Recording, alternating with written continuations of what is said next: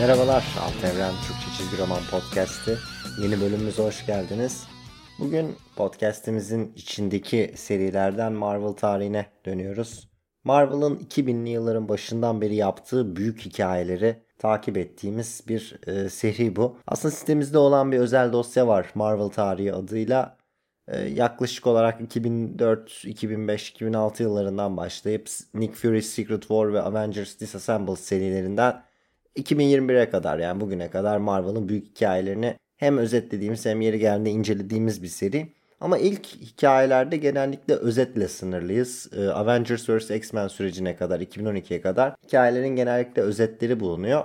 İncelemeleri ve çizgi romanlar hakkında, hikayeler hakkında söylenebilecek ilginç şeyleri podcast serimize bırakıyoruz. Ee, Marvel tarihinin geçen bölümünde en son 5. bölümü yapmıştık yanlış hatırlamıyorsam Civil War hikayesini değerlendirmiştik. Civil War'ı ele almıştık. Bu sefer de Civil War'dan sonraki hikayeyi, e, World War Hulk hikayesini konu alacağız. Civil War bitmiş durumda. Marvel evreninde Iron Man'in tarafı, bütün süper kahramanların devlet tarafından kayıt altına alınmasını isteyen taraf kazanmış durumda. Asıl bu süreçlerle ilgilenen The Initiative isimli bir yayın etiketi var bu dönemde Marvel'da ve bu olayın asıl sonuçlarını Secret Invasion serisinde göreceğiz. Ama arada bir tane daha hikaye var. World War Hulk hikayesi. Türkçe'ye çevirmek isterseniz başlığını Hulk Dünya Savaşı gibi bir anlam çıkıyor. Ve tahmin edebileceğiniz gibi kötü karakteri serinin ki bu kavramı epey bir tartışacağız bu bölümde. Ee, ama kötü karakteri Hulk. Yani bütün süper kahramanların Hulk'a karşı savaştığı bir yapı karşımızda. Hikaye olarak baktığınızda büyük ölçüde standart bir gidişi olan bir hikaye. Size kısaca anlatayım. Aslında hikayeyi anlatmaktan çok bu hikayenin arka planı benim biraz ilgimi çekiyor. Bundan biraz bahsetmek istiyorum. Hulk belli karakterlerin aldığı bir karar sonucunda ki bu nokta tam olarak üzerinde duracağımız nokta dünyadan gönderiliyor. Hulk dünya için bir tehdittir. Onu biz kontrol edemiyoruz, durduramıyoruz. Bruce Banner'ın problemiyle gerçek anlamda e, ilgilenemiyoruz, bir çözüm bulamıyoruz. O zaman daha fazla yıkıma sebep olmaması için onu dünyadan gönderelim şeklinde bir karar alınıyor. Daha sonra halk bir gezegene düşüyor uzay gemisiyle. E, normalde bunun kimsenin olmadığı bir gezegen olması, yaşam olmayan bir gezegen olması gerekiyor. Ama bir şeyler ters gidiyor. Böyle barbar bir medeniyetin e, gladyatör savaşlarının vesaire yapıldığı bir gezegene düşüyor. Ve burada kendisi de bir gladyatör olarak başlasa da e, hayatına daha sonra imparator oluyor. Bir ayaklanmanın başına geçip bir imparator oluyor. Bir kadına orada aşık olup onunla evleniyor ve ikisi birlikte hani imparator ve kraliçe, imparatoriçe olarak e, çok böyle güzel bir hayat kuruyorlar. Bir tane de hatta e, çocukları olmak üzere oluyor. Ama o sırada halkı oraya getiren uzay gemisinin aynı zamanda bir bomba olduğu ortaya çıkıyor ve bu gezegendeki pek çok kişiyi, pek çok varlığı da öldürerek e, ki bunun içinde halkın evlendiği ve çok sevdiği eşi de dahil e, bütün gezegendeki hayat neredeyse etkileniyor ve böylece ikinci bir kazık atılmış oluyor halka. Ve ondan sonra halk dünyaya bir öfkeyle geri geliyor. Aslında böyle bir niyeti olmamasına orada mutlu olmasına rağmen şimdi ben size gününüzü gösteririm şeklinde bir tavırla geri gelip dünyadaki süper kahramanlara özellikle de kendisini dünyadan gönderen süper kahramanlara karşı bir savaş başlatıyor. Hikayenin kurgusu az çok bu şekilde. Dediğim gibi benim asıl ilgimi çeken boyut halkı buraya götüren süreç. Yani bana sorarsanız üzerinden 10 yıl 15 yıl geçmişken hala World War Hulk hikayesinden bahsetmemizin temel noktası bu olmalı. Çünkü Marvel'da bu dönem biliyorsunuz biraz Brian Michael Bendis'le özdeşleşen bir dönem. Özellikle Avengers Disassembled ve sonrasında Marvel evrenindeki olaylar Avengers ekibi etrafında şekilleniyor. Avengers'ın ana yazarı ve hikayelerin genel gidişatını belirleyen yazar da Bendis oluyor. Her zaman büyük hikayeleri Bendis yazmıyor. Mesela Civil War'un yazarı o değil. Ama bütün kurgular e, büyük ölçüde onun yazarlık anlayışından, onun hikayesinden biraz beslenerek yola çıkıyor. Burada önemli bir kavram şu ana kadar Marvel tarihinde bahsetmediğimiz bir örgüt, bir yapı Illuminati ekibi. Tabi bunun gerçek dünyadaki komplo teorileriyle vesaire bir alakası yok ama benzer bir yapı Marvel evreninde de yer alıyor. Ve bu aslında Bendis'in hikaye anlatma şekliyle çok alakalı bir konu. O yüzden hem çizgi roman açısından hem de biraz bu dönemin çizgi roman temaları, süper kahraman temaları açısından konuşabileceğimiz bir konu bu. Brian Michael Bendis en çok neyle özdeşleşir diye soracak olsam herhalde herkes aynı cevabı verir. Ee, birbirleriyle karakterlerin konuşmaları, süper kahramanların iç dünyası, gerçek hayatları olan süper kahramanlar. Bendis'in üzerine gittiği ve 2000'li 2010'lu yıllarda çizgi romanda çok önemli kıldığı temalar aslında bunlar. Ve Bendis'le zaman zaman şu özdeşleşiyor. Hem böyle sokak seviyesindeki karakterlerin hani Spider-Man, Daredevil, Luke Cage, Jessica Jones gibi karakterlerin hem de e, yeri geldiğinde daha e, oturmuş uzun süreli Avengers üyelerinin yaşadığı psikolojik travmalar, birbirleriyle olan ilişkileri, e, Luke Cage ve Jessica Jones örneğinde olduğu gibi yaşadıkları sıkıntılar, iç dünyaları, hatta böyle bir imge vardır sürekli kafada gelen böyle mutfakta oturup birbiriyle konuşan süper kahramanlar ve tabii böyle çok uzun diyalog sahneleri falan. Bunlar çok ön plana çıkıyor Brian Michael Bendis'in hikayelerinde. Yani süper kahramanların birer macera yaşamasının ha bir kötü adam çıktı gidip onu alt edelim meselesinin ötesinde oturup mutfakta kahve içerken veya yemek yerken birbirleriyle konuşabilmeleri de eşit ölçüde önemli hale geliyor. Bu da güzel bir şey aslında. Ama tabii şöyle bir anahtar nokta var. Bütün süper kahramanlar da oturup mutfakta kahve içerken birbirleriyle sohbet etmiyor. Mesela bu dediğim sahneyi Spider-Man, Daredevil ve Luke Cage arasında veya Jessica Jones arasında düşünebilirsiniz. Ama Tony Stark etrafında düşünmek o kadar kolay değil. Ve Marvel evreninin böyle çok enteresan boyutları var. Avengers ekibiyle de sınırlı olmayan.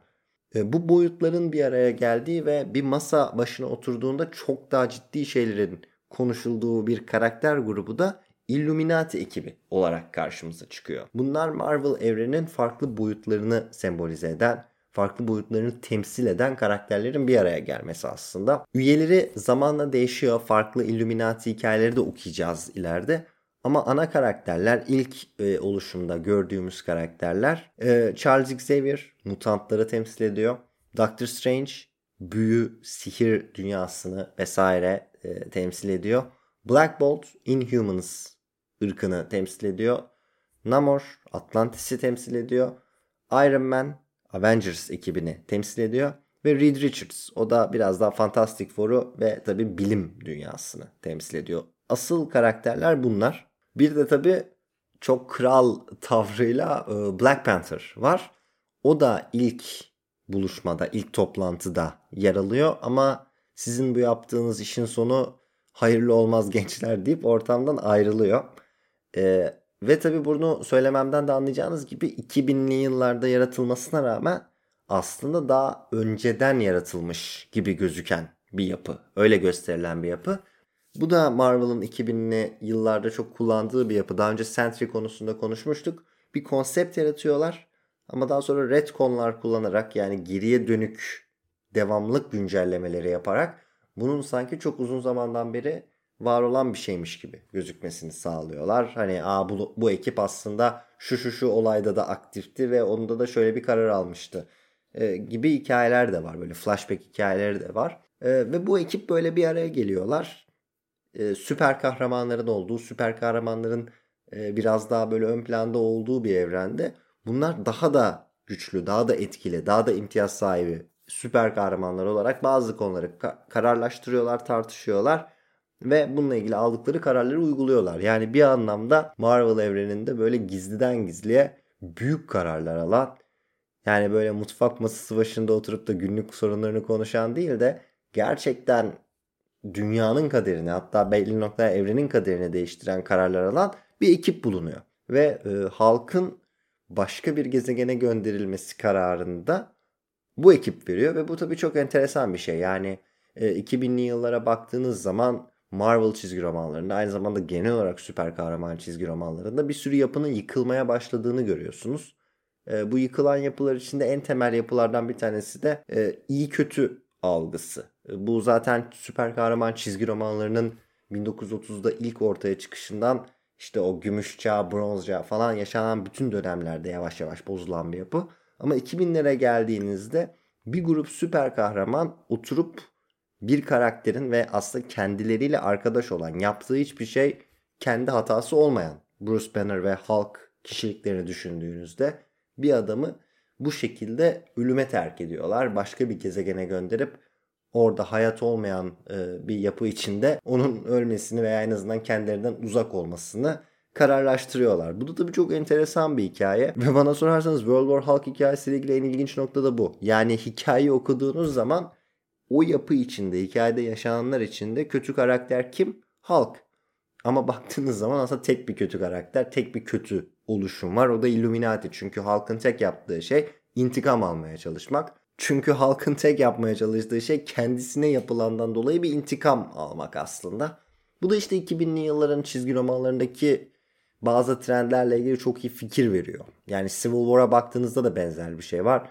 Civil War bana sorarsanız daha yüzeysel. Yani ha bütün süper kahramanlarımızı birbirleriyle dövüştürelim yapısı bana göre biraz daha kolay bir yapı ulaşması. Ama burada bir şeyler var. Yani kim iyi, kim kötü, hangi karar iyidir, hangi karar kötüdür, etik yargılar nasıl olmalıdır? Mesela bir grup insan e, oturup bir masa etrafında dünyanın kaderini kimi temsil ediyorlarsa olsunlar konuşmaya ve bununla ilgili kararlar almaya yetkili olabilir mi? Ki burada tabi sadece Marvel Illuminati değil genel olarak süper kahraman konseptiyle ilgili çok işlenmiş bir konu var. E, yıllar öncesinin e, Squadron Supreme çizgi romanlarında veya Watchmen çizgi romanlarında falan da gördüğümüz bir tema. E, böyle bir noktaya da varabiliyor bu iş. World War Hulk'ın kendisi bir çizgi roman serisi olarak nasıldır diye soracak olursanız aslında çok olağanüstü veya derin bir çizgi roman tabii ki beklememek gerekiyor. Ama arka planındaki Illuminati hikayesine baktığınız zaman böyle enteresan temalar ortaya çıkıyor. Peki bu dediklerimin çizgi romanda genel olarak hikayenin anlatımında veya temalarında karşımıza çıkması gibi bir durum var mı? İlk sayılarda evet var. Çünkü halkın kötü olmadığı ve ona haksızlık edildiği teması başlarda görülüyor. Yani bir mahcubiyet duygusu, bir utanç duygusu var. Mesela Charles Xavier örneği çok enteresan bir örnek. Hikayenin genel yapısında halk önce gelip Illuminati üyelerine tek tek saldırıyor. Daha sonra da bütün New York'u böyle o gittiği gezegendeki gibi, oradaki yapı gibi bir e, gladyatör arenasına çeviriyor. Ee, ve özellikle halkın diğer Illuminati üyeleriyle savaştığı sahnelerde e, bir mahcubiyet, bir utanç duygusunu görüyorsunuz dediğim gibi. Ee, öyle ki mesela Charles Xavier örneği ilginç. Xavier bu karar alındığında yani biz Bruce Banner'ı halkı bu gezegenden gönderelim kararı alındığında aslında o toplantıda değil. Ve bir de üstüne daha önceki bölümlerde yine konuştuğumuz House of M sürecini yaşıyor. Bütün mutantlarla birlikte. Ee, dolayısıyla mesela halk ona karşı aslında acıyor biraz. Yani başına gelenleri e, zaten yeteri kadar şey yaşamış olduğunu görüyor. Ama o bile aslında halka karşı bir mahcubiyet duygusu yaşıyor. Şöyle bir sahne var yine çizgi romanın en havalı sahnelerinden bir tanesidir bu. Halk dünyaya geldiğinde onu durdurmaya çalışan, ona karşı savaşan karakterlerden bir tanesi Ghost Rider oluyor. Ki Ghost Rider karakterinin özelliği şudur biliyorsunuz. Masum ruhları korur. Masum insanları korumak için günahkar insanlara karşı savaşır. Bunun da böyle halka karşı savaşırken giderek güç seviyesi artıyor onu durdurabilmek için. Çünkü halk biliyorsunuz Marvel evreninde en güçlü süper kahraman belki de. Yani durdurulması imkansıza yakın bir karakter. Özellikle de sinirlendikçe gücünün artması nedeniyle. Ama halka karşı savaşırken onun da güçleri mistik olarak artıyor. Ve sonunda bir noktada Ghost Rider halkı durdurabilecekmiş gibi gözüküyor. Tabi bu sırada Illuminati'nin üyeleri de bu hikayeyi izliyor, takip ediyorlar. Acaba durdurabilecek mi falan gibi. E, Doctor Strange ve Reed Richards yanlış hatırlamıyorsam onların anlatımıyla bize sunuluyor. Ve bir noktada Ghost Rider gerçekten halkı yenecekmiş gibi gözüküyor. Fakat çok enteresan bir şey oluyor. Ghost Rider savaşmayı bırakıyor. Ve e, Doctor Strange de tabii işin mistik boyutuna, büyü boyutuna biraz daha hakim birisi olarak bir açıklama yapıyor. Diyor ki evet Ghost Rider belki sınırsız potansiyeline ulaşırsa, sınırsız gücüne ulaşırsa halkı durdurabilir. Ama ne olursa olsun Ghost Rider sadece masum ruhları kurtarmak için savaşır ve biz masum değiliz. Yani bu tarz temalar aslında hikaye içinde gündeme geliyor. Fakat günün sonunda hikayenin sonu bana sorarsanız biraz daha zayıf. Çünkü hikayenin sonunda anahtar noktalardan bir tanesinin Illuminati'nin suçu olmadığı anlaşılıyor. İlk baştaki özeti hatırlayın. Sadece halkı başka bir gezegene göndermekle kalmıyor Illuminati grubu diye anlatmıştım. Aynı zamanda o gönderdikleri uzay gemisi de bir bomba çıkıp daha sonra oradaki halkın oluşturduğu bütün hayatını da yok ediyor. bunun en azından Illuminati'nin suçu olmadığı ortaya çıkıyor. Bunun o gezegende halka muhalif olan, ona karşı olan, eski imparatora sadık olan birileri tarafından yapıldığı anlaşılıyor. Dolayısıyla o asıl büyük suçtan, asıl kötü hareketten Illuminati biraz kurtur, kurtarılmış oluyor diyelim. Bundan sonra da zaten hikayenin seyri giderek e, klasik bir süper kahraman hikayesine yaklaşıyor.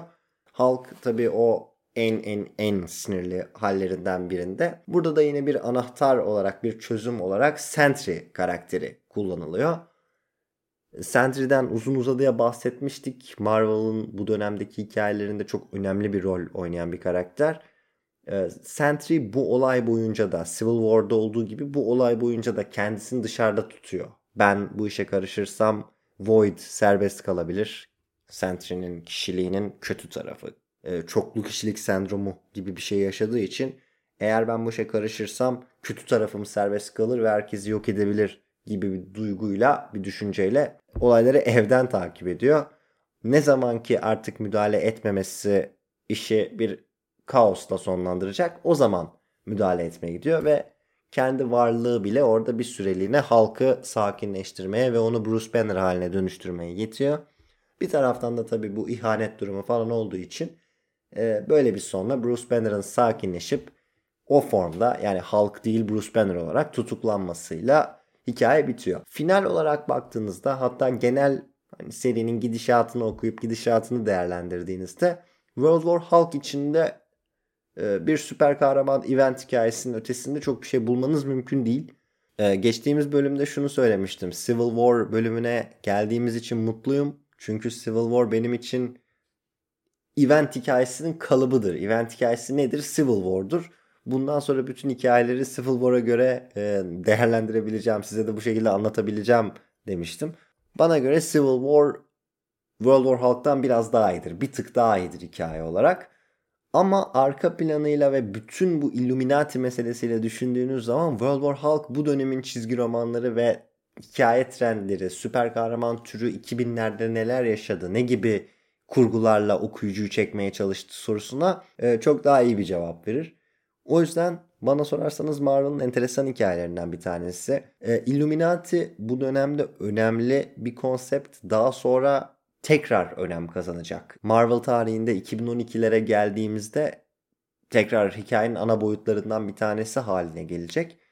Ama e, eğer okumadıysanız Marvel'ın okuma kronolojisini takip ederken mutlaka Illuminati çizgi romanlarında okumanızı ve World War Hulk serisinde tabii ki atlamamanızı tavsiye ederim. Önemli hikayeler bu enteresan trendleri iyi karakter, kötü karakter gibi kavramların değişebildiği anları e, güzel ortaya koyan bir seri. Bu açıdan bana göre kayda değer bir olay. Yani 15-20 yıl sonra bile bunları en azından görmek için okumaya değer bir çizgi roman. Bu bölümlük daha fazla uzatmayacağım. Dediğim gibi Civil War'dan sonra oluşturulan düzenin asıl etkileri belki de Secret Invasion'da gözüküyor. Zaten Secret Invasion'la birlikte o süreç bitiyor. Yani Civil War'dan sonra oluşan düzen Secret Invasion'dan sonra bir kere daha değişiyor.